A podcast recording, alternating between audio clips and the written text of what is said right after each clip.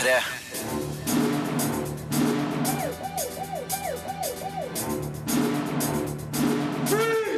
Filmpolitiet!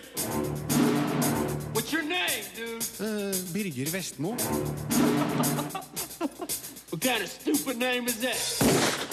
Premierefilmen Under sanden er et imponerende etterkrigsdrama. The Magicians sesong 1 på HBO har et magisk potensial. Kinopremieren Småfugler er en ny islandsk filmperle. Martyrs er en ikke spesielt vellykka skrekkfilm. Spillet Mighty Number Nine lever ikke opp til sin spillhistoriske arv. HBO går tilbake til sine røtter med det oppslukende krimdramaet The Night of. Og animasjonsfilmen Kjæledyrenes hemmelige liv er frisk og humoristisk. Alt det her anmeldes i denne podkastutgaven av Filmpolitiet, der skuespillerne Roland Møller og Joel Bassmann forteller om sine roller i Under sanden. Kristoffer Hivje forteller om den krevende innspillinga av denne ukas utrolige episode av Game of Thrones. Filmpolitiet anmelder film. Dänemark ist nicht Ihr Freund. Für uns dienen Sie nur einem Zweck. Die ganze dänischen Westküste von den deutschen Landminen zu befreien, die Sie zuvor hierher gebracht haben. Danskene har med stort hell laga film med andre verdenskrig som bakteppe. Denne tilsynelatende utømmelige kilden til sterke historier. Regissør og manusforfatter Martin Sandflit forteller en liten flik av krigens umiddelbare etterspill, slik tyskerne sjøl har gjort i gode filmer som Låret og Phoenix. Under sanden er en sterk historie, basert på virkelige hendelser, om tyske krigsfanger som settes under et stort press av krigens vinnere. Det her er et imponerende drama med helspente nerver og en sterk menneskelighet under umenneskelige omstendigheter. Kan de alle det svarte Fähnchen der unten sehen? Zwischen dem schwarzen Fähnchen und dem Feldweg liegen 45.000 Minen. Krigen er over, og på Jyllands vestkyst må strendene ryddes for tyske miner. Sersjant Carl Rasmussen, spilt av Roland Møller, skal lede arbeidet, som utføres av en gruppe tyske krigsfanger. Alle er forskremte tenåringer, men det er ikke rom for nåde i en tid der hevngjerrighet overstyrer menneskelige hensyn. Filmen skildrer iskaldt og effektivt det ekstremt farlige ryddearbeidet, der den minste lille feil kan resultere i plutselig død. Sersjant Rasmussen introduseres som en usympatisk mann som går løs på marsjerende krigsfanger med stor aggressivitet. Det her er en mann som åpenbart syns han har mye å ta igjen for. Historien i Under sanden utvikler seg på en måte som gjør bildet mer nyansert. Sjøl sersjant Rasmussen begynner å løsne på det harde grepet han har rundt sine krigsfanger. Roland Møller gjør en fantastisk hovedrolle, der vi gradvis ser antydninger til sersjantens gryende sympati for de tyske tenåringene, uten at det her på noe vis overdrives. Hvor godt have fortalt, det noen små drenge, fikk opp. Det ændrer liksom situasjonen litt. Det synes jeg ikke, det gør. Jeg synes, hvis man er gammel nok til å gå i krig, så er man også gammel nok til å rydde opp efter seg selv. Regissør Sandflit og hans dyktige skuespillere har skapt et knippe interessante figurer i denne engasjerende historien, som er flott fotografert av Camilla Hjelm Knutsen på Jyllands kyst. De vakre omgivelsene står i sterk kontrast til de stygge hendelsene, som dermed forsterkes i Sandflits utmerkede film. Under sanden berører og beveger publikum mellom sorg og sinne. Nå den! vorwärts, marsch! Terningkast fem. Vi skal tilbake til den danske premierefilmen Under sanden, som er nettopp anmeldt til en femmer på terningen. Der spiller Roland Møller den tøffe danske sersjanten Carl Rasmussen, mens tyske Joel Bassmann spiller Helmut, en av de totalt 2000 krigsfangene som ble tvunget til å rydde mina langs den danske vestkysten sommeren 1945. Jeg hadde besøk av begge to i studio litt tidligere i uka. Jeg gjorde intervjuet på engelsk, så begge kunne følge godt med. Og da kunne Roland Møller fortelle at eh, hele denne mineryddingsaksjonen var totalt ukjent for han før innspillinga av Under sanden. No, this this part is a piece that we're not so proud of, so they don't teach us in school. But I think it's very important that we learn about this part of history because Danish people always see themselves as the good cemeterians who helped the Jews to flee to Sweden, and and it's not like that. And and there's some Danish people they don't understand why the rest of the world just just don't like us. But but, but we've been building our, our our history on false grounds. So I think it's very important that we know that we did some bad stuff during the war too. It's it's important to help to understand uh, yourself and and the world around you. Joel was working on this an eye opener for you as well. Yes, absolutely. It was for me. I had no idea about this, and uh, I'm very, very happy to know about it. Or sad, maybe? Yeah, of course. No, of course I'm sad, but I mean it's knowledge, and knowledge is always um, at the end a positive thing, even if it's about a horrible thing. It's history, and it shouldn't be forgotten. The funny thing is that, that, that the, my grandparents are called the silent generation, and all of a sudden I found out why. It's because war brings out the worst in everyone, and, and you could you could fight the Germans at night when you will deal with them in the daytime. So my grandparents they've done a lot of things they're not proud of, and that's why they call the silent generation. They're like, okay, let's get this behind us and look forward. But I think that we need to sit down and talk about what happened. How else can we learn from it? And and and, and uh, you know the eye for an eye mentality has done nothing else but leave people blind. So we need to sit down and talk about what happened so we can learn from it. Roland, your character, Sergeant Carl Rasmussen, he is a mean son of a bitch. Uh, how did you create him? I didn't. I'm like that in real life. no, I, I, talk a lot uh, with Martin about this character, and, and there were there's some few things written about some evil Danish uh, sergeants in, in Denmark, and we took some characteristics from uh, these. There's particular, particularly three uh, uh, persons that I took different things from the, what they did to the Germans and stuff like that. And and also I'm I, I found a guy who's at uh, elder home in Denmark. He's called Folker. He's 99 years old now, and still going strong. And I, I spoke with him a lot about uh, how how they how did they treat the Germans and did did you feed the Germans and and and, every, and all the things all the issues we have in the movie. Um, Joel, your character Helmut uh, seems to sort of accept the sergeant's mean behavior. Why is that, you think? He accepts. I'm going to shoot him if he doesn't. yeah, on one side that, and I would say uh, Helmut is most afraid of, of all of them. His, his, his aggressivity comes out of fear. I mean, first of all, they're boys. They're far away from home, and and on their opposite, there is a there is a, a fucking angry, huge man who is able to do whatever he wants with them. He has the gun, he has he has the law, he has the army, he has everything behind his back, and they're they're just alone. He and has the look too. He has oh yeah, beautiful looking, of course. I but, forgot. Sorry. But should should we in uh, some ways understand the the sergeant's um, aggressive attitude? Yes and no. I mean, it's war and it's so complex, and it's especially. I mean, I, I don't want to say it's the most horrible war, but it, it was a hard one, and I think it's very hard to understand people who are in this situation because it's not that easy to just say he's the bad one or he's the good one. Everyone, I mean, I mean, the sergeant has a lot of, of inner fights. You, you you see it in, in the in the process of the movie, and I think that's what is so interesting about it. Roland, uh, the sergeant uh, is um, a real powerful uh, character for these boys. Uh, did you treat the actors in a different way during the shooting to emphasize this? Um, no, yes and no.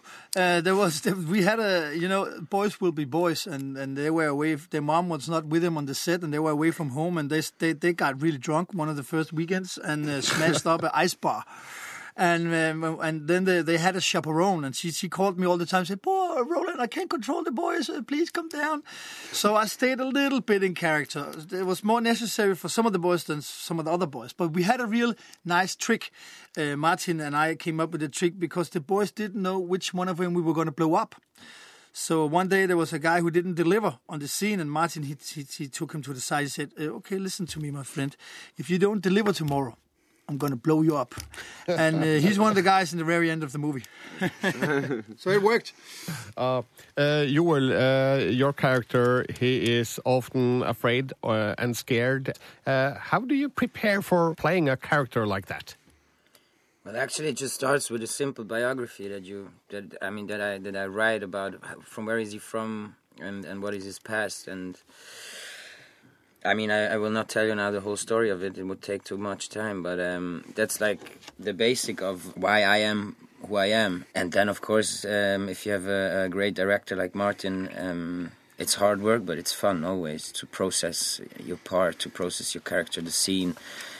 Think about the sentence or, or a whole thing, whatever. But um, yeah, it's like half before and half during the shooting that happens. Yeah, so when you arrived for the first day of filming, you already had a backstory for Helmut? Yes, yes. I, I always say I need to talk about my characters like I'm talking about my fr- a good friend or, or my sister. I need to know which, if, if he's Aquarius or Lion, when was he born, which, how much, how many brothers, uh, sisters, mother's name, whatever, all kind of basic stuff to just know who you are.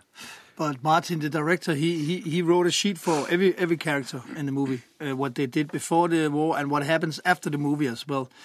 Uh, it's a real good tool to work with as an actor to to know all these things. Um, we we don't talk about in the movie, but it's good to, it's good for building the character. When I saw the film, which I thought was brilliant, by the way, I was stricken by Sergeant Carl's introduction, and I, I just thought, what has happened to him to make him this hostile, angry, and resentful?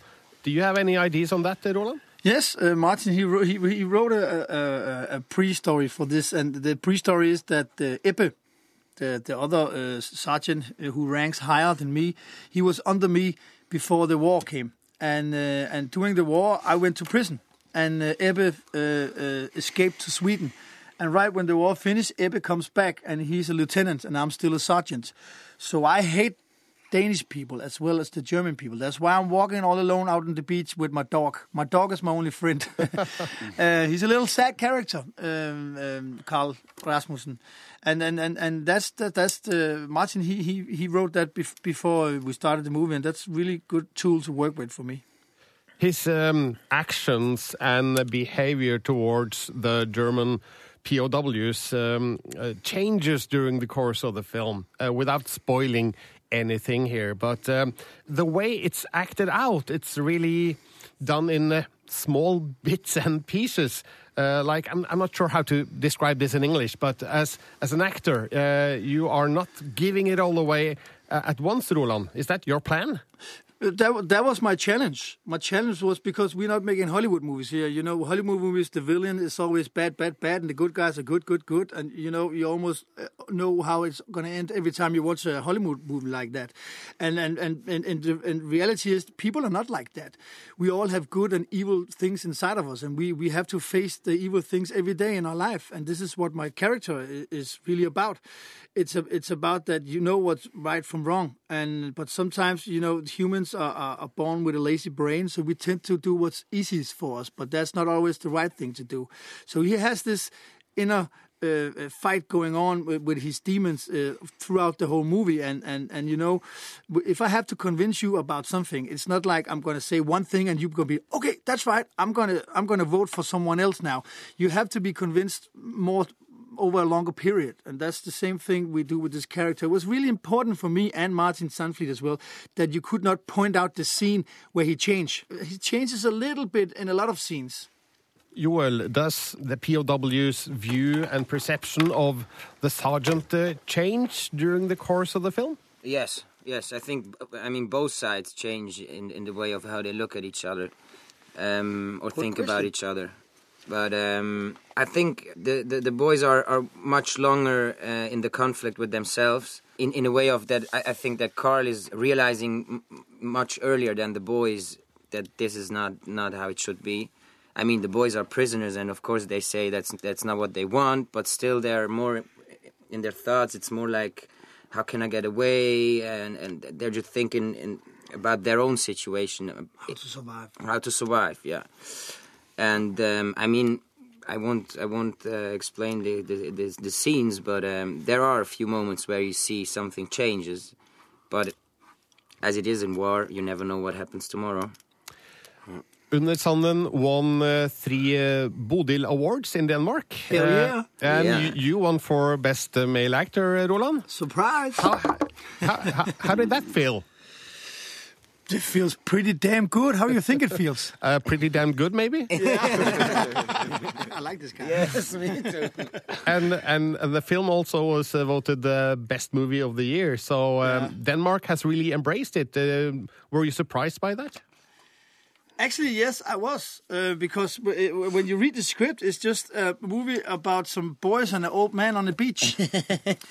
And uh, but but but uh, I'm really surprised at how far it got out in the whole world, not only in Denmark. Uh, like you mentioned, we we won all the prizes you can win in Denmark, but we actually won 38 prizes worldwide uh, already, and. I was just told that we maybe going to make it to the Oscars as well, and and, and, and, and I'm really really proud of this movie. But, but I, I I've never in my mind uh, could I predict what is happening right now. Yes. Uh, that I would be sitting here in Norway and talking to you. I, I, I wouldn't have guessed that if you asked me just one year ago. But uh, your career seems to be um, coming along quite nicely now. Uh, now here in Norway, we have seen you as Jan in Kapringen and uh, as uh, Hannes in uh, Skammerens datter. Oh yeah. And now you're um, you're in in this Hollywood film with Charlize Theron, Yes, baby. The Colder City. Yeah. Uh, what's that? It's a it's a, a spy movie that takes place in uh, three five days before the Berlin Wall goes down, and um, it's just a bunch of agents, double agents that are chasing a list with their name on. And Charlize Theron is one of them, and James McAvoy is another one, and James uh, John Goodman is the third one. And then me, little me from Roland from Denmark. Can you believe it? And it's all because Land of Mine, uh, which is the American title of uh, Under- what's it called in Norway? Under sanden. Under Sonnen. Yeah, Uh, yeah, like under the sand. it's like an alcohol test. So thank you all for coming No, to the show. you. Thank you very and much. Thank you very much. good luck with the Norwegian premiere on Under sanden. Bye. bye bye. P3. Nå skal vi over til den nye HBO-serien The Magicians. Filmpolitiet anmelder TV-serie. Magician. I don't know what you're doing here, Jules. People at Breakables, they can read minds, they can bend light, they can fly. However, if you lose control, it will turn against you. I get it. It's an amazing gift. It's a terrible, life destroying burden. Did you think we'd be like the Weasleys? Ja, sesong én av The Magicians ble altså sluppet på HBO Nordic denne uka. Andreas Hatzel Opsvik, du har sett de fire første episodene, og i det lydklippet vi hørte her nå, så hørte jeg vel vitterlig en referanse til Harry Potter-universet? Ja, og det er nok en, en logisk slutning å trekke. Der er litt sånn eh, Harry Potter Voksenversjonen av Harry Potter. Det, det er rett og slett eh, um, college-ungdom som har blitt uh, plukka opp for sin, um, sitt magisk potensiale og eh, sendt på et sånt eliteuniversitet for magikere. Ja, men det her er altså et univers der de har sett Harry Potter-filmene. Ja, det er ikke bare et univers der de har sett Harry Potter-filmene, det er òg et univers der f.eks. George Bush viser seg å muligens være en magiker. Så det er veldig sånn um, rota i vår virkelighet, da. eh, til tross for eh, litt sånn eh, magisk hullabaloi eh, rundt omkring. Ja, men eh, det handler om trylling her. Ja, det er um, unge Quentin, som alltid har vært en sånn um, litt sånn uh, nerd, da. En som aldri helt har, har klart å, å komme i kontakt med resten av samfunnet. Forsvunnet djupt ned i fantasybøker og på en måte likt sånn illusjonstrylling, da. Sånn trylling som, som kanskje jeg og du kan få til. Um, og så viser det jo seg det at han og hans beste venninne begge har det her magiske potensialet. Og Quentin kommer inn på denne skolen som heter Breakbills, Bills, mens eh, venninna hans Julia eh, ikke får det til. Og så følger en i prinsippet da de her to samtidig. Og hva syns du om det her, Andreas? Begynnelsen er litt uh, forhasta. Uh, det her er basert på, på en bokserie av, av forfatter Lev Grossman uh, med samme navn, altså The Magicians. Og jeg tror uh, begynnelsen på sesongen er sånn vi må gjennom det her, sånn at vi kan komme oss til uh, den store bruke tid på konflikten mot slutten av sesongen, som jeg da ikke har sett ennå. Um, og um, Men i fjerde episode så snur det. Altså De tre første er litt ufokuserte og litt sånn forhasta, men i fjerde episode så, så får en på en måte endelig grep om denne verden her igjen. Ja, så jeg øyner et håp her om at eh, hele sesong én av The Magicians eh, kan være verdt å få med seg. Ja, jeg tror det. rett og slett. Um, jeg liker den verden veldig godt. Det er veldig sånn morsom, leiken, magisk verden som da TV-kanalen Sci-Fi har, uh, har laga uh, av det her bokuniverset. Uh, og for HBO Nordic-abonnenter i Norge så er det da mulig å få det med seg. Og du, Andreas Hadsel Opsvik, har gitt Terningkast fire. Og hele anmeldelsen fins på p3.no Filmpolitiet. Filmpolitiet anmelder film. Så det var nýtt tækifæri í lífinu Skilur það ekki, drengur? Omsorgsfølelsen vekkes for den unge, sårbare hovedpersonen i den islandske filmen Småfugler. Regissør og manusforfatter Runar Runarsson forteller om en tenåring som forsømmes av sine skilte foreldre, og må navigere seg gjennom noen ungdommelige sommernetter uten tilsyn og veiledning. Man kan både bli sint og forarga over hvordan Ari blir behandla, og det skinner gjennom at all elendigheta i historien kan spores tilbake til den økonomiske kollapsen i 2008. Småfugler forteller om et stort tema på makronivå, og gjør det svært godt. Þú er ekkert verið í sambandi við hana Lárin, konar þína, er þú komst. Nei, þetta er flókið. Ari, spilt av Atli Oskar Fjallarsson, introduseres som korgutt med vakker stemme og fremstår som en sart engel. Kontrasten er merkbar når han må flytte fra mora i Reykjavik til faren på hjemplassen nord på Island, der forholdene er langt tøffere. Faren Gunnar, spilt av Ingvar Eggert Sigurdsson, drikker og fester mye med kameratene sine, og vi ser hvordan Ari mister uskylden på flere måter gjennom lyse sommernetter sammen med andre ungdommer på stedet. Småfugler er bygga på en kortfilm med samme tittel som Runar Runarsson laga i 2008, også da med Atli Oskar Fjallarsson i hovedrollen. Mange av nøkkelscenene er utvikla videre og gjør inntrykk nå som da. Spesielt én vakker, men samtidig hjerteskjærende sekvens mellom Ari og barndomsvenninna Lara, spilt av Rakel Bjørk Bjørnsdottir, er delikat regissert av Runarsson. Historien maner frem flere bilder fra skjør ungdomstid som man kan kjenne seg igjen i. Er. Småfugler er en vakker og bevegende film på flere måter. Hjertet banker for hovedfigurene, som er ufrivillige produkter av omstendighetene. Filmen forteller sårt og godt om utsatt ungdom i et samfunn som har mista deler av kontrollen og tryggheten som den økonomiske kollapsen tok med seg. Regissør Runar Runarsson debuterte på en overbevisende måte med 'Ildfjell' i 2011, og andrefilmen hans er like engasjerende. 'Småfugler' er en ny islandsk filmperle. Veistu það að þú ert bara fyllibitta og aumingi? Þú mistir mömmu, bátinn, Og du er et fucking loser! Terningkast fem. I Filmpolitiet, der jeg nå har fått selskap av Sigurd Vik og Andreas Hadsel Opsvik. God dag, god dag. Hei og hå. Ja, for Vi må snakke litt om ting som har skjedd på filmfronten den siste uka. Og aller først et eh, brennende hett Star Wars-rykte. Andreas, eh, vi må vel si at det er en spoiler, det her, men det er jo helt umulig å holde seg unna det her eh, et helt halvt år før premieren. Ja, eh, det er rett og slett at verdens beste filmskurk, Darth Vader, kommer til å dukke opp i den kommende Star Wars Rogue One. Og det er da Hollywood-blekka Entertainment Weekly som avslører, med litt annet nyhetsstoff om den kommende Star Wars-filmen. Ja, Liker vi det, at Darth Vader er på gang igjen? Ja, jeg, jeg, jeg har sett den der um, Star Wars Rebels, som er animasjonsserien som de driver har med for tida. Og han har òg et lite innhopp der, og han høres fremdeles ut som seg sjøl, altså. Det må jeg si. Ja, for um, det er James Earl Jones som fremdeles skal gi stemme til Darth Vader, og det er vel en filmhistorisk røst, Sigurd? Det er det så til de grader. 85 år har han blitt.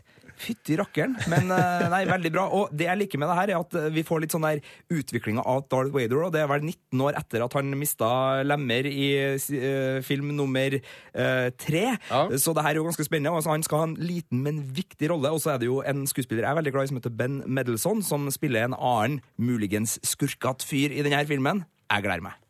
Og Rogue One kommer til slutten av året. Eh, vi skal over til en annen veldig kjent filmserie, nemlig Indiana Jones. Hva er det som rører seg der, Sigurd? Og det, er, det har jo allerede kommet beskjeder om at det sannsynligvis kommer en femte film med Harrison Ford som Indie og Steven Spielberg som regissør. Men nå er det nye at eh, Bob Iger, en av disse Disney-menneskene, har sagt at det kan jo kanskje hende at vi må gjøre noe mer, og så har ordet reboot blitt sagt her. Men det er ikke sikkert at det blir Ja, altså, det har vært litt fram og tilbake, men det, det ryktes at det muligens kommer rebooter i indie-universet. Ja, Selvfølgelig gjør det det, for de har ikke kjøpt disse svindyre rettighetene uten å ha tenkt å bruke dem. Nei, det ville vært dumt. Men eh, hvem skal da spille den unge Indiana Jones? Jeg tenker jo nå at Olden Eren Reich, kjent fra Cohen-brødrenes Hail Cæsar, har jo allerede fått rollen som den unge Han Solo i en kommende standalone-film om han, så hvorfor ikke bare ta inn de også? Ja, altså det funker jo. Altså, man har jo sånn dubbestemmer som følger skuespillere i bl.a. Tyskland og andre land. Hvorfor ikke ha unge versjoner av Harrison Ford som spiller alle hans eh, reboot-roller framover? Ja, eh, eller så har man alltids Chris Pratt, da. Det går fremdeles an å spørre han. Det, det har skjedd noe, noe dramatisk med HBOs storsatsing eh, Vinyl. Ja, det har det. Det er jo da denne den her musikkserien fra New York som eh, hadde blant annet Michael, nei, Mick Jagger og Martin Scorsese som på en måte show-gudfara. den eh, gikk ikke så bra som HBO hadde håpa, og har nå rett og slett blitt kansellert etter én sesong. Eh, det syns jo jeg er litt synd, for jeg likte jo serien veldig godt, men den var vel ikke helt den suksessen man hadde håpa på. Det lukter jo rett og slett fiasko når man blir kansellert etter den første sesongen. Hva syns du, Andreas? Nei, det er, jo, det er jo HBO, da, og de har liksom et eller annet sånt uh, høyt kvalitetskrav. Uh, og, og, og kanskje de har da innsett at, at pengene de bruker på, på folka bak det her, eh, neppe kan være nok. Ja, og så må det jo sies at Michael Mikael Lombardo, som har vært liksom head of programming i HBO, han gikk jo av forrige måned, og nå er det da Casey Bloys, tidligere komediesjefen i HBO, som har tatt over. Så det kan jo hende at han har noen nye ideer. Ja, Et, et markeringsbehov. Men eh, noe vits å se sesong én av Vinyl i det hele tatt, nå som vi vet at det er slutt? Seff. Det er jo masse gode serier som har blitt kansellert etter én sesong. Firefly blant annet, og Vinyl er absolutt en av dem som det er helt kurant å bruke tid på. Vi skal over til en nyhet fra filmens verden som er skikkelig sørgelig, og som mange sikkert har fått med seg, for det her skjedde jo sist eh, søndag. Det dreier seg om Anton Jeltsins eh, tragiske dødsfall, Andreas. Ja, i en alder av bare 27 år så han eh, rett og slett eh, dødd i det som ser ut til å være en, en, rett og slett en uheldig ulykke. Eh, Han har gått ut av bilen sin og blitt eh, truffet av den da, som ikke har, har vært Bremsen har fungert, rett og slett blitt sittende fast, og da gått av med døden. Og det, det er jo en trist, er en flink skuespiller. Ja, utrolig sympatisk, sett i filmene som Terminator Salvation, der han gjorde en godkjent rolle som den unge Kyle Reese, og også i nyinnspillinga av eh, skrekkfilmen eh, Fright Night, men han er jo mest kjent da som Chekhov i de to, og snart tre Star Trek-filmene. Og så skulle han jo spille i en TV-serie. Han var kasta i Mr. Mercedes, som er en Stephen King-manusserie som eh, skal komme, så der må det jo skje andre ting. Veldig, veldig trist og tragisk med Anton Jeltsins eh, utrolige uflaks, får vi si det. Men eh, vi får se han da en siste gang på kino denne sommeren eh, som Tsjekhov i Star Trek Beyond. Takk, Sigurd, og takk, Andreas. Faktisk takk til meg sjøl også. Filmpolitiet anmelder film. Martyrs are so very rare. So extraordinary. They survive the pain, the torture, and they refuse to die. Martyrs har innslag av torturporno, som er en smal filmsjanger. Jeg finner ingen spesiell glede i å se figurer bli forvoldt ekstrem smerte. Samtidig er det som å passere en trafikkulykke. Du vil se vekk, men klarer det ikke. Martyrs er en voldsom thriller med brutale virkemidler. Vi blir kanskje spart for det aller verste, for her antydes det stort sett mer enn det vises, men det her er likevel sterk kost som kan få deg til å føle deg uvel. Det aner meg at det er filmens fremste mål og mening. Dessverre ødelegges mye av en helt idiotisk historie som det er klin umulig å ta seriøst, sjøl om det her åpenbart er ment å være en skrekkfilm i sjangerens ytterpunkter.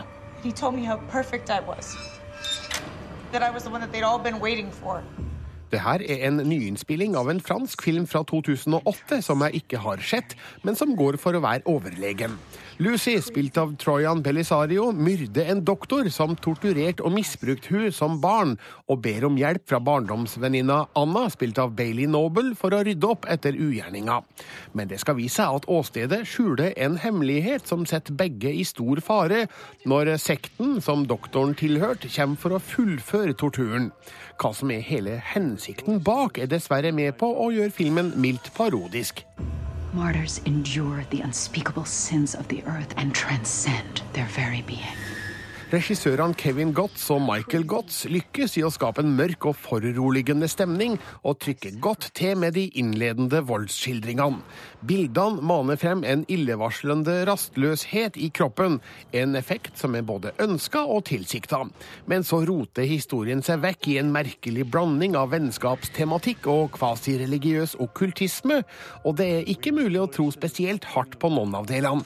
Filmens slemminger har et mål, men hva det egentlig er, forblir et mysterium. Lederen sier noe sånt som at kriger er blitt utkjempa pga. det de ønsker å oppnå, uten at det virker særlig sannsynlig. Oh no, don't do this!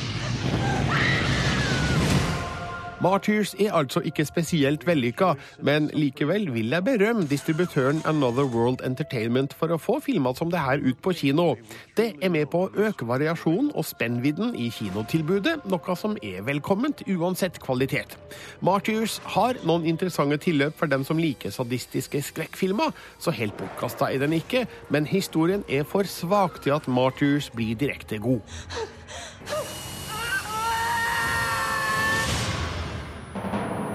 Terningkast to.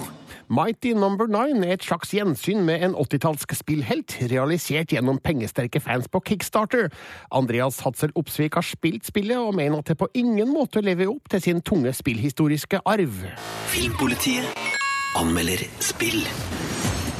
Hey, you, let me ask you a question. Do you like awesome things that are awesome? Nostalgi er det hardeste rusmiddelet i verden. Det kan skape lykkekjensle av noe så lite som ei lukt, for ikke å snakke om artige spill, leker og moro en hadde da en var yngre. Mighty Number Nine er et forsøk på å utnytte det her, og det har de ikke fått til.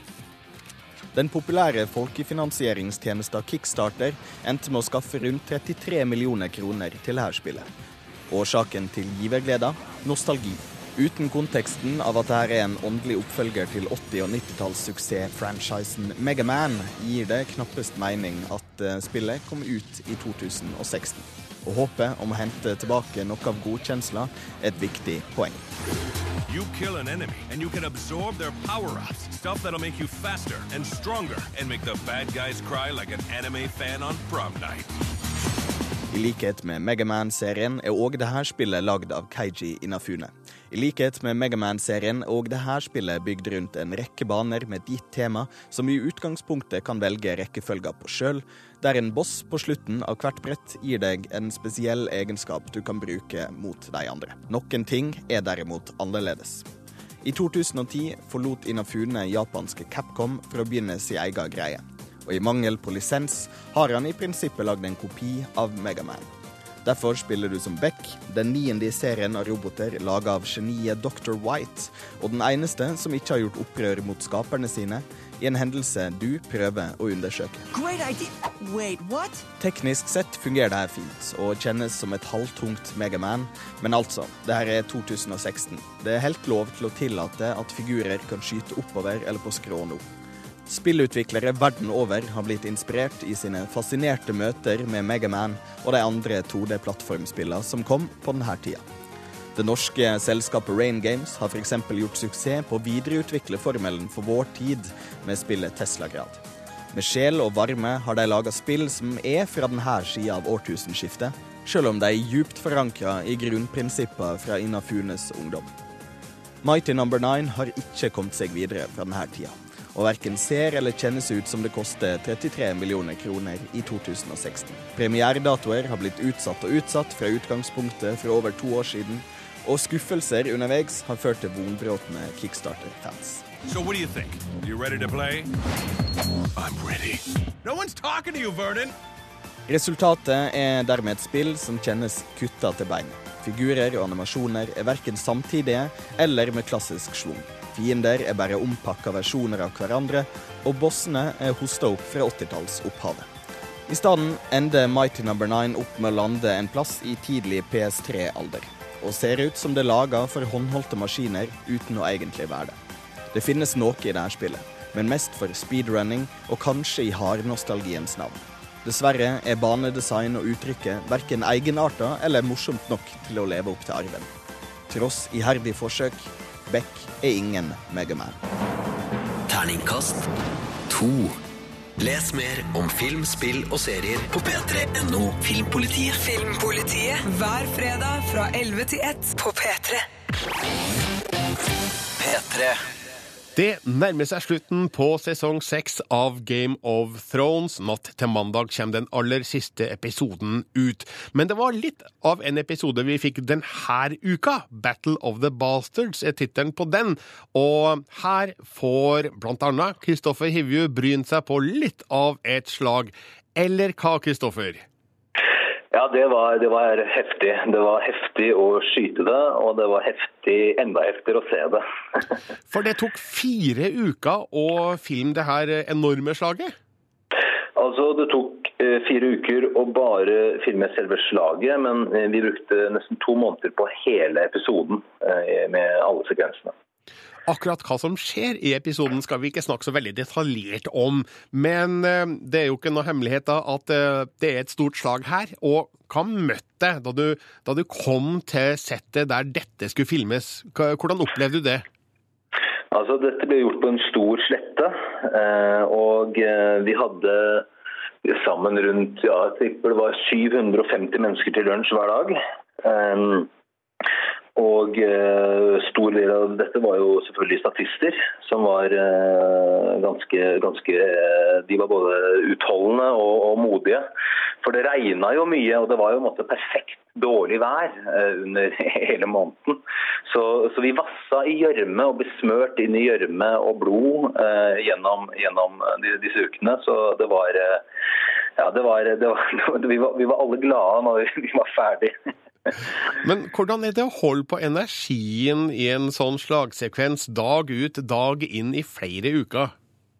Altså, Vi skjøt det kronologisk, så vi, tok, vi begynte på begynnelsen og tok det måtte, skritt for skritt. Eh, og, og Det er mye hester og, og, og to ærer og, og sånne ting. Så, vi, så for å holde, holde, holde, holde kronologien eh, rett, eh, så, så tok vi det skritt for skritt. Eh, men eh, så det, det, opplevdes jo mye langsommere enn det gjør i, i klippen, men, eh, men det, var en, eh, det var en ekstremt heftig innspilling.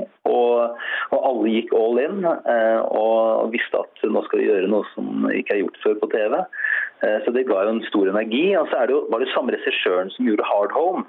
Så, eh, så han, eh, han hadde styr på dette, for å si det mildt.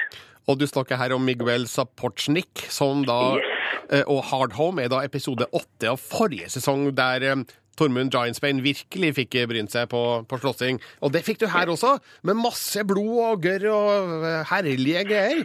Eh, Trives du under slike omstendigheter? Altså, Jeg elsker det. Altså, Jeg kan ikke si noe annet. Altså, Vi, jo, vi hadde jo preparert det og øvd inn eh, mye. Men eh, når vi liksom, når, når de fikk fylt på med, hundrevis av mennesker som skulle stå rundt, og du faller ned i gjørma, og det, folk er i ferd med å tråkke på deg, og du bare kaster løs med sverdet, så var det, det var heftig. altså. Det var, eh, det var ikke noe vanskelig å leve seg inn i situasjonen, for den var eh, ytterst reell.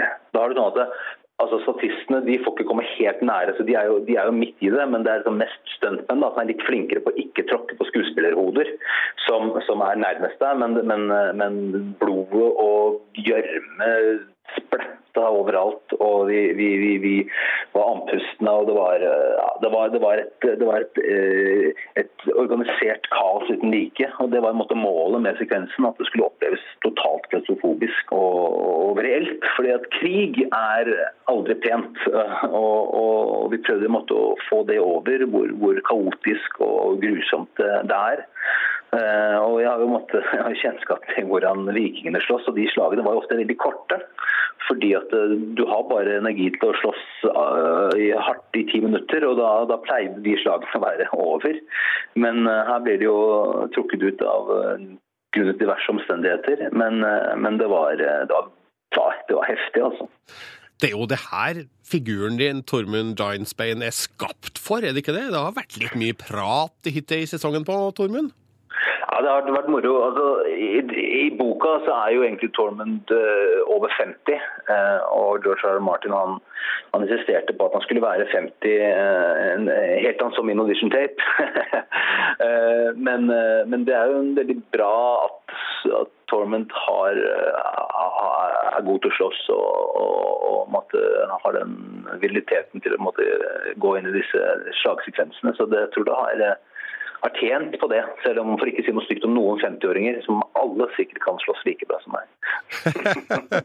Eh, I denne sesongen så har Tormund også blitt utstyrt med ganske mange flere vittigheter, altså vittige one-liners, eh, enn i de tidligere sesongene. Hva syns du om det? Altså, det er jo sånn at uh, når du gjør uh, flere sesonger, så for Tormunds del så har jo måte, hans funksjon i fortellingen forandret seg fra sesong til sesong. Så det er det måte, jeg leter etter. Jeg ser på, måte, på hver sesong som en, en helhet.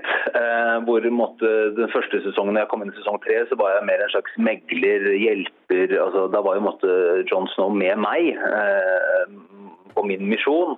Eh, og I sesong fire så fikk han en ren antagonistisk funksjon, hvor han måtte var, eh, var fienden. Og I forrige sesong så, så samlet vi oss sammen for å gjøre et felles prosjekt, og nå er jeg, er jeg en del av, en del av eh, gjengen. Eh, og, da, og da forandrer karakteren seg også. Eh, og jeg husker at når vi, når vi skulle skyte Hard Home, så sa jeg til and Dan, som er eh, skaperen av serien, jeg sa at eh, men her er jo hele det frie folket. Hvor er Tormunds kone, hvor er hans barn? og så sånne ting. Og så mente jeg at han var mer en bachelor-type. og så I ekteskap sånn er jo ikke akkurat så veldig utbredt i, blant det frie folket. Uh, men, men, heldigvis da, så, så, så fikk Tormund en love interest i, denne sesongen.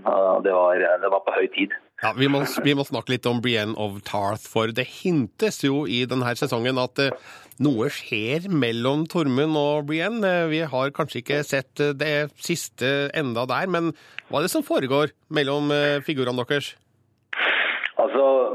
Når, når Brenna Tarth kommer inn i, i Castle Black, så er det jo for, for, for Tormund kjærlighet ved første blikk. altså. Så, så, Han blir jo veldig betatt av denne kvinnen. Og, men du vet, det, frie folket, og kanskje spesielt Tormund, har jo måttet sin måte å sjekke på.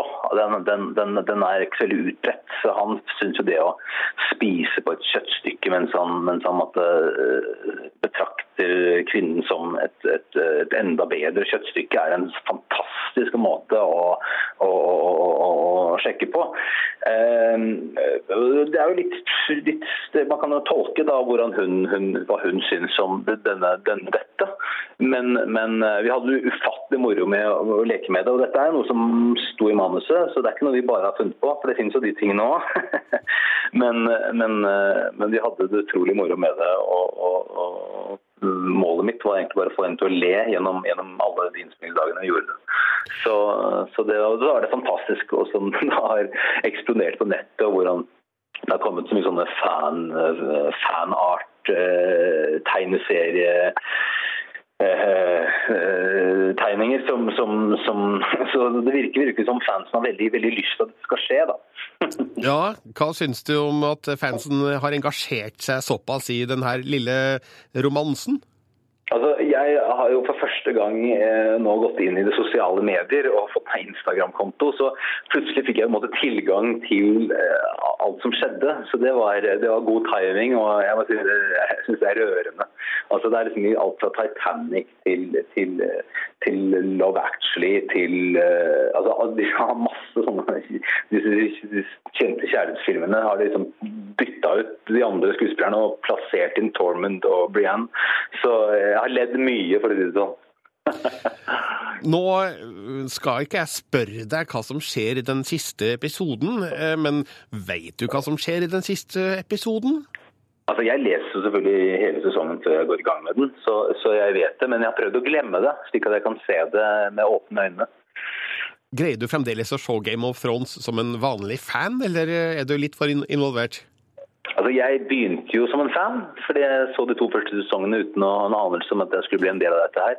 Så jeg klarer å, jeg klarer å skru av den delen av hjernen som vet, vet hva som kommer til å skje, og så, og så, og så koser jeg meg. Og jeg, jeg, jeg ser jo sjelden eh, episodene før de kommer, fordi at jeg ser mest måte, de, Når jeg gjør ettersynk og sånn, så gjør jeg jo ser mest mine egne ting. Men, eh, men jeg, jeg, gleder meg, jeg gleder meg veldig til eh, en av de lengste episodene de har laget. Den er på 69 minutter, hvis jeg ikke helt feil. Det er nesten spillefilm. Spillefilm skal være 72 minutter, så er det kategorisert som spillefilm. Så, så vi er ikke langt unna. Nå har du jo vært eh, opptatt eh, i den senere tida med innspilling av eh, Fast 8, altså den åttende Fast and the Furious-filmen. Hvordan har den innspillinga fortona seg for deg? Jo, det har vært, vært, veldig spennende. Jeg vokste jo måtte opp med Fast and Furious. Jeg, jeg, så jo den første filmen jeg var liksom midten av 20-årene ca.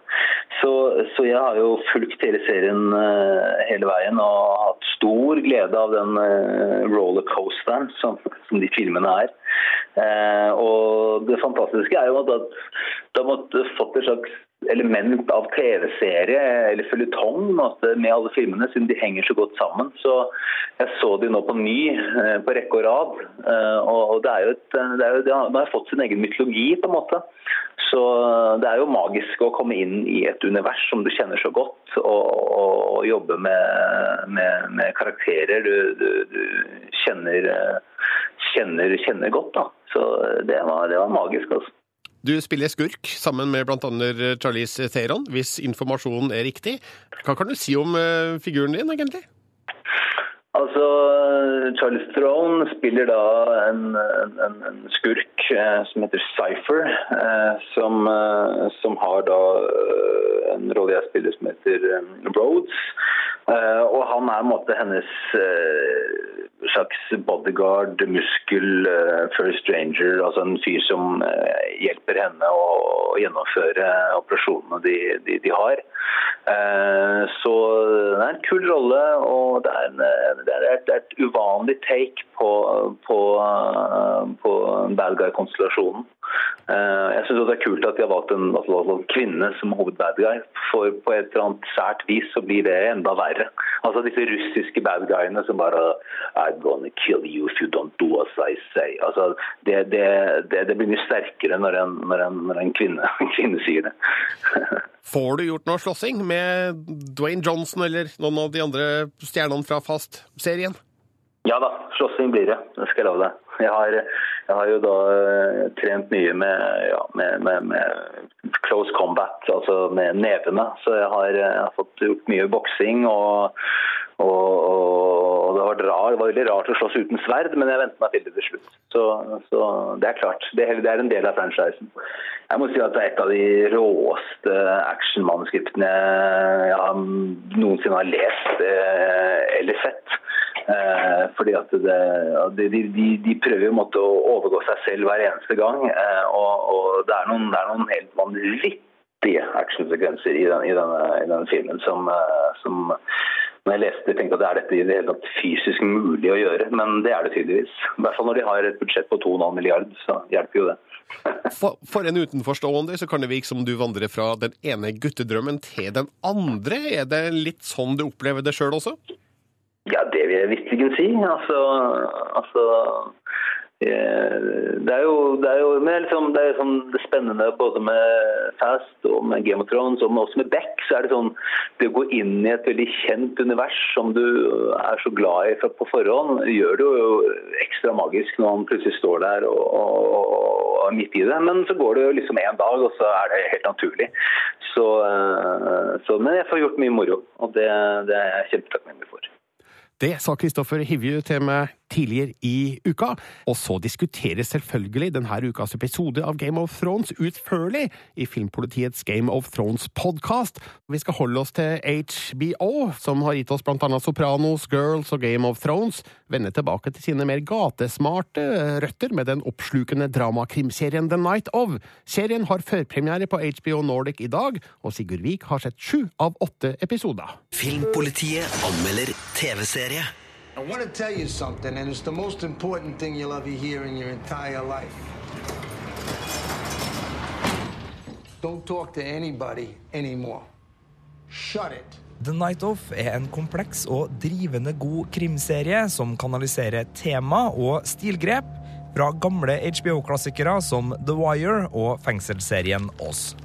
I tillegg til et hyggelig gjensyn med flere kjente fjes fra de nevnte seriene, så er John Tortoro imponerende god som den rufsete advokaten John Stone.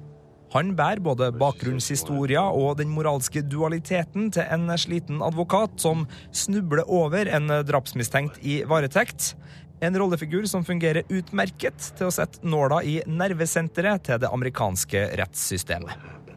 Det er lett å la tankene gå til sterke true crime-historier som Serial og Making a Murderer, idet vi ser hva som kan skje med både etterforskning og rettssak når lovens lange arm veldig tidlig mener at de har funnet den skyldige. It looks like I killed her, I know that. That's how it looks. Handlinga foregår i et ektefølt og levendegjort New York, hvor den muslimske studenten Nasir Khan, glimrende spilt av Riz Ahmed, ender opp som drapsmistenkt etter ei kaotisk natt. Drapsofferet er en hvit, ung og ganske velstående kvinne som Nasir har tilbrakt natta med, og saken får kjapt høy prioritet hos både politiet og hos media. You don't have to talk to me. The Night Of er knallgod i sin kompleksitet. Etter sju episoder er det fremdeles umulig å si om Nasir bare har vært særdeles uheldig, eller er en voldelig morder. Og de mange sidehistoriene fenger også, og bygger opp spenning og fallhøyde rundt hovedhistoria. Det er noen plasser situasjonene eskalerer vel raskt i denne stort sett perfekt oppbygde krimkomposisjonen, men det er ikke noe som ødelegger opplevelsen. Hun she dead? The Night Off er en serie som ser veldig bra ut på skjermen, og den behersker kunsten å fortelle med musikk. Best er likevel rollegalleriet, som virker å sprette naturlig ut av fortauskanter og kontorbygg i New York, med sin personlighet skrevet i ansiktsuttrykkene. Og når sånne typer i tillegg får boltre seg med smart dialog og gjenkjennelige karakterbrister, så blir det veldig lett å investere tid og følelser i dramatikken. Terningkast fem. Les mer om film, spill og serier på p3.no Filmpolitiet. The Night Of vises mandager fra 11. juli på HBO, men allerede i dag legges første episode ut som førpremiere. Filmpolitiet anmelder film. Max, vi ses i kveld. Å, jeg savner henne sykt mye. Tilbake! Glemte mobilen. Åh, jeg savner henne sykt mye. Kjæledyr i storbyen er en gjenganger i tegnefilmhistorien. Fra Lady og Landstrykeren og 101 dalmatinere til Stuart Little og Nedenom og hjem igjen. I kjæledyrenes hemmelige liv stifter vi bekjentskap med både hund, katt, marsvin og mange andre dyr som lever inneliv i New York. Figurene er morsomme og allsidige, historien fortelles med energiske hopp og sprett, og humoren er god nok til å vekke latter.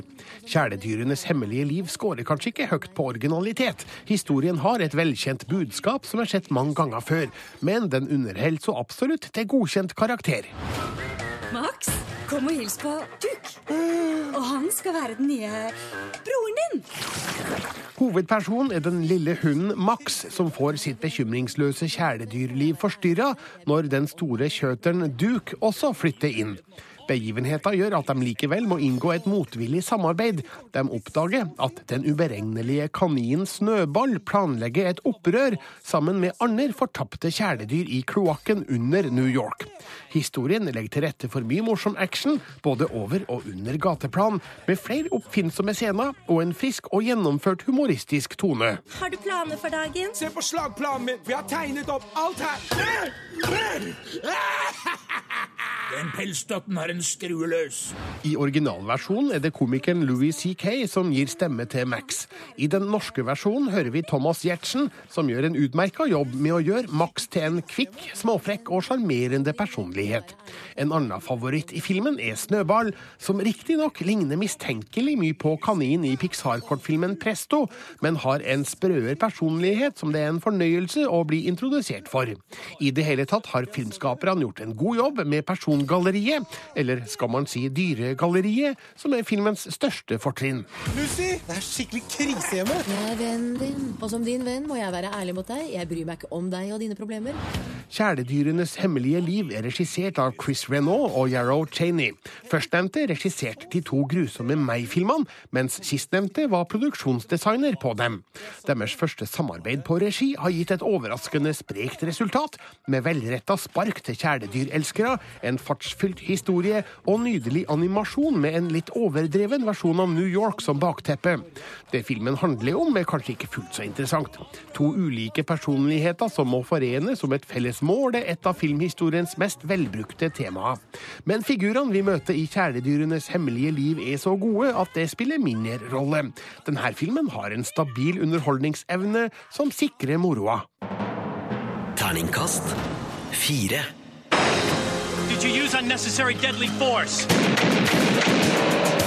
Filmpolitiet med Birger Vestmo. The strong arm of the law. Du hører på Du hører på P3.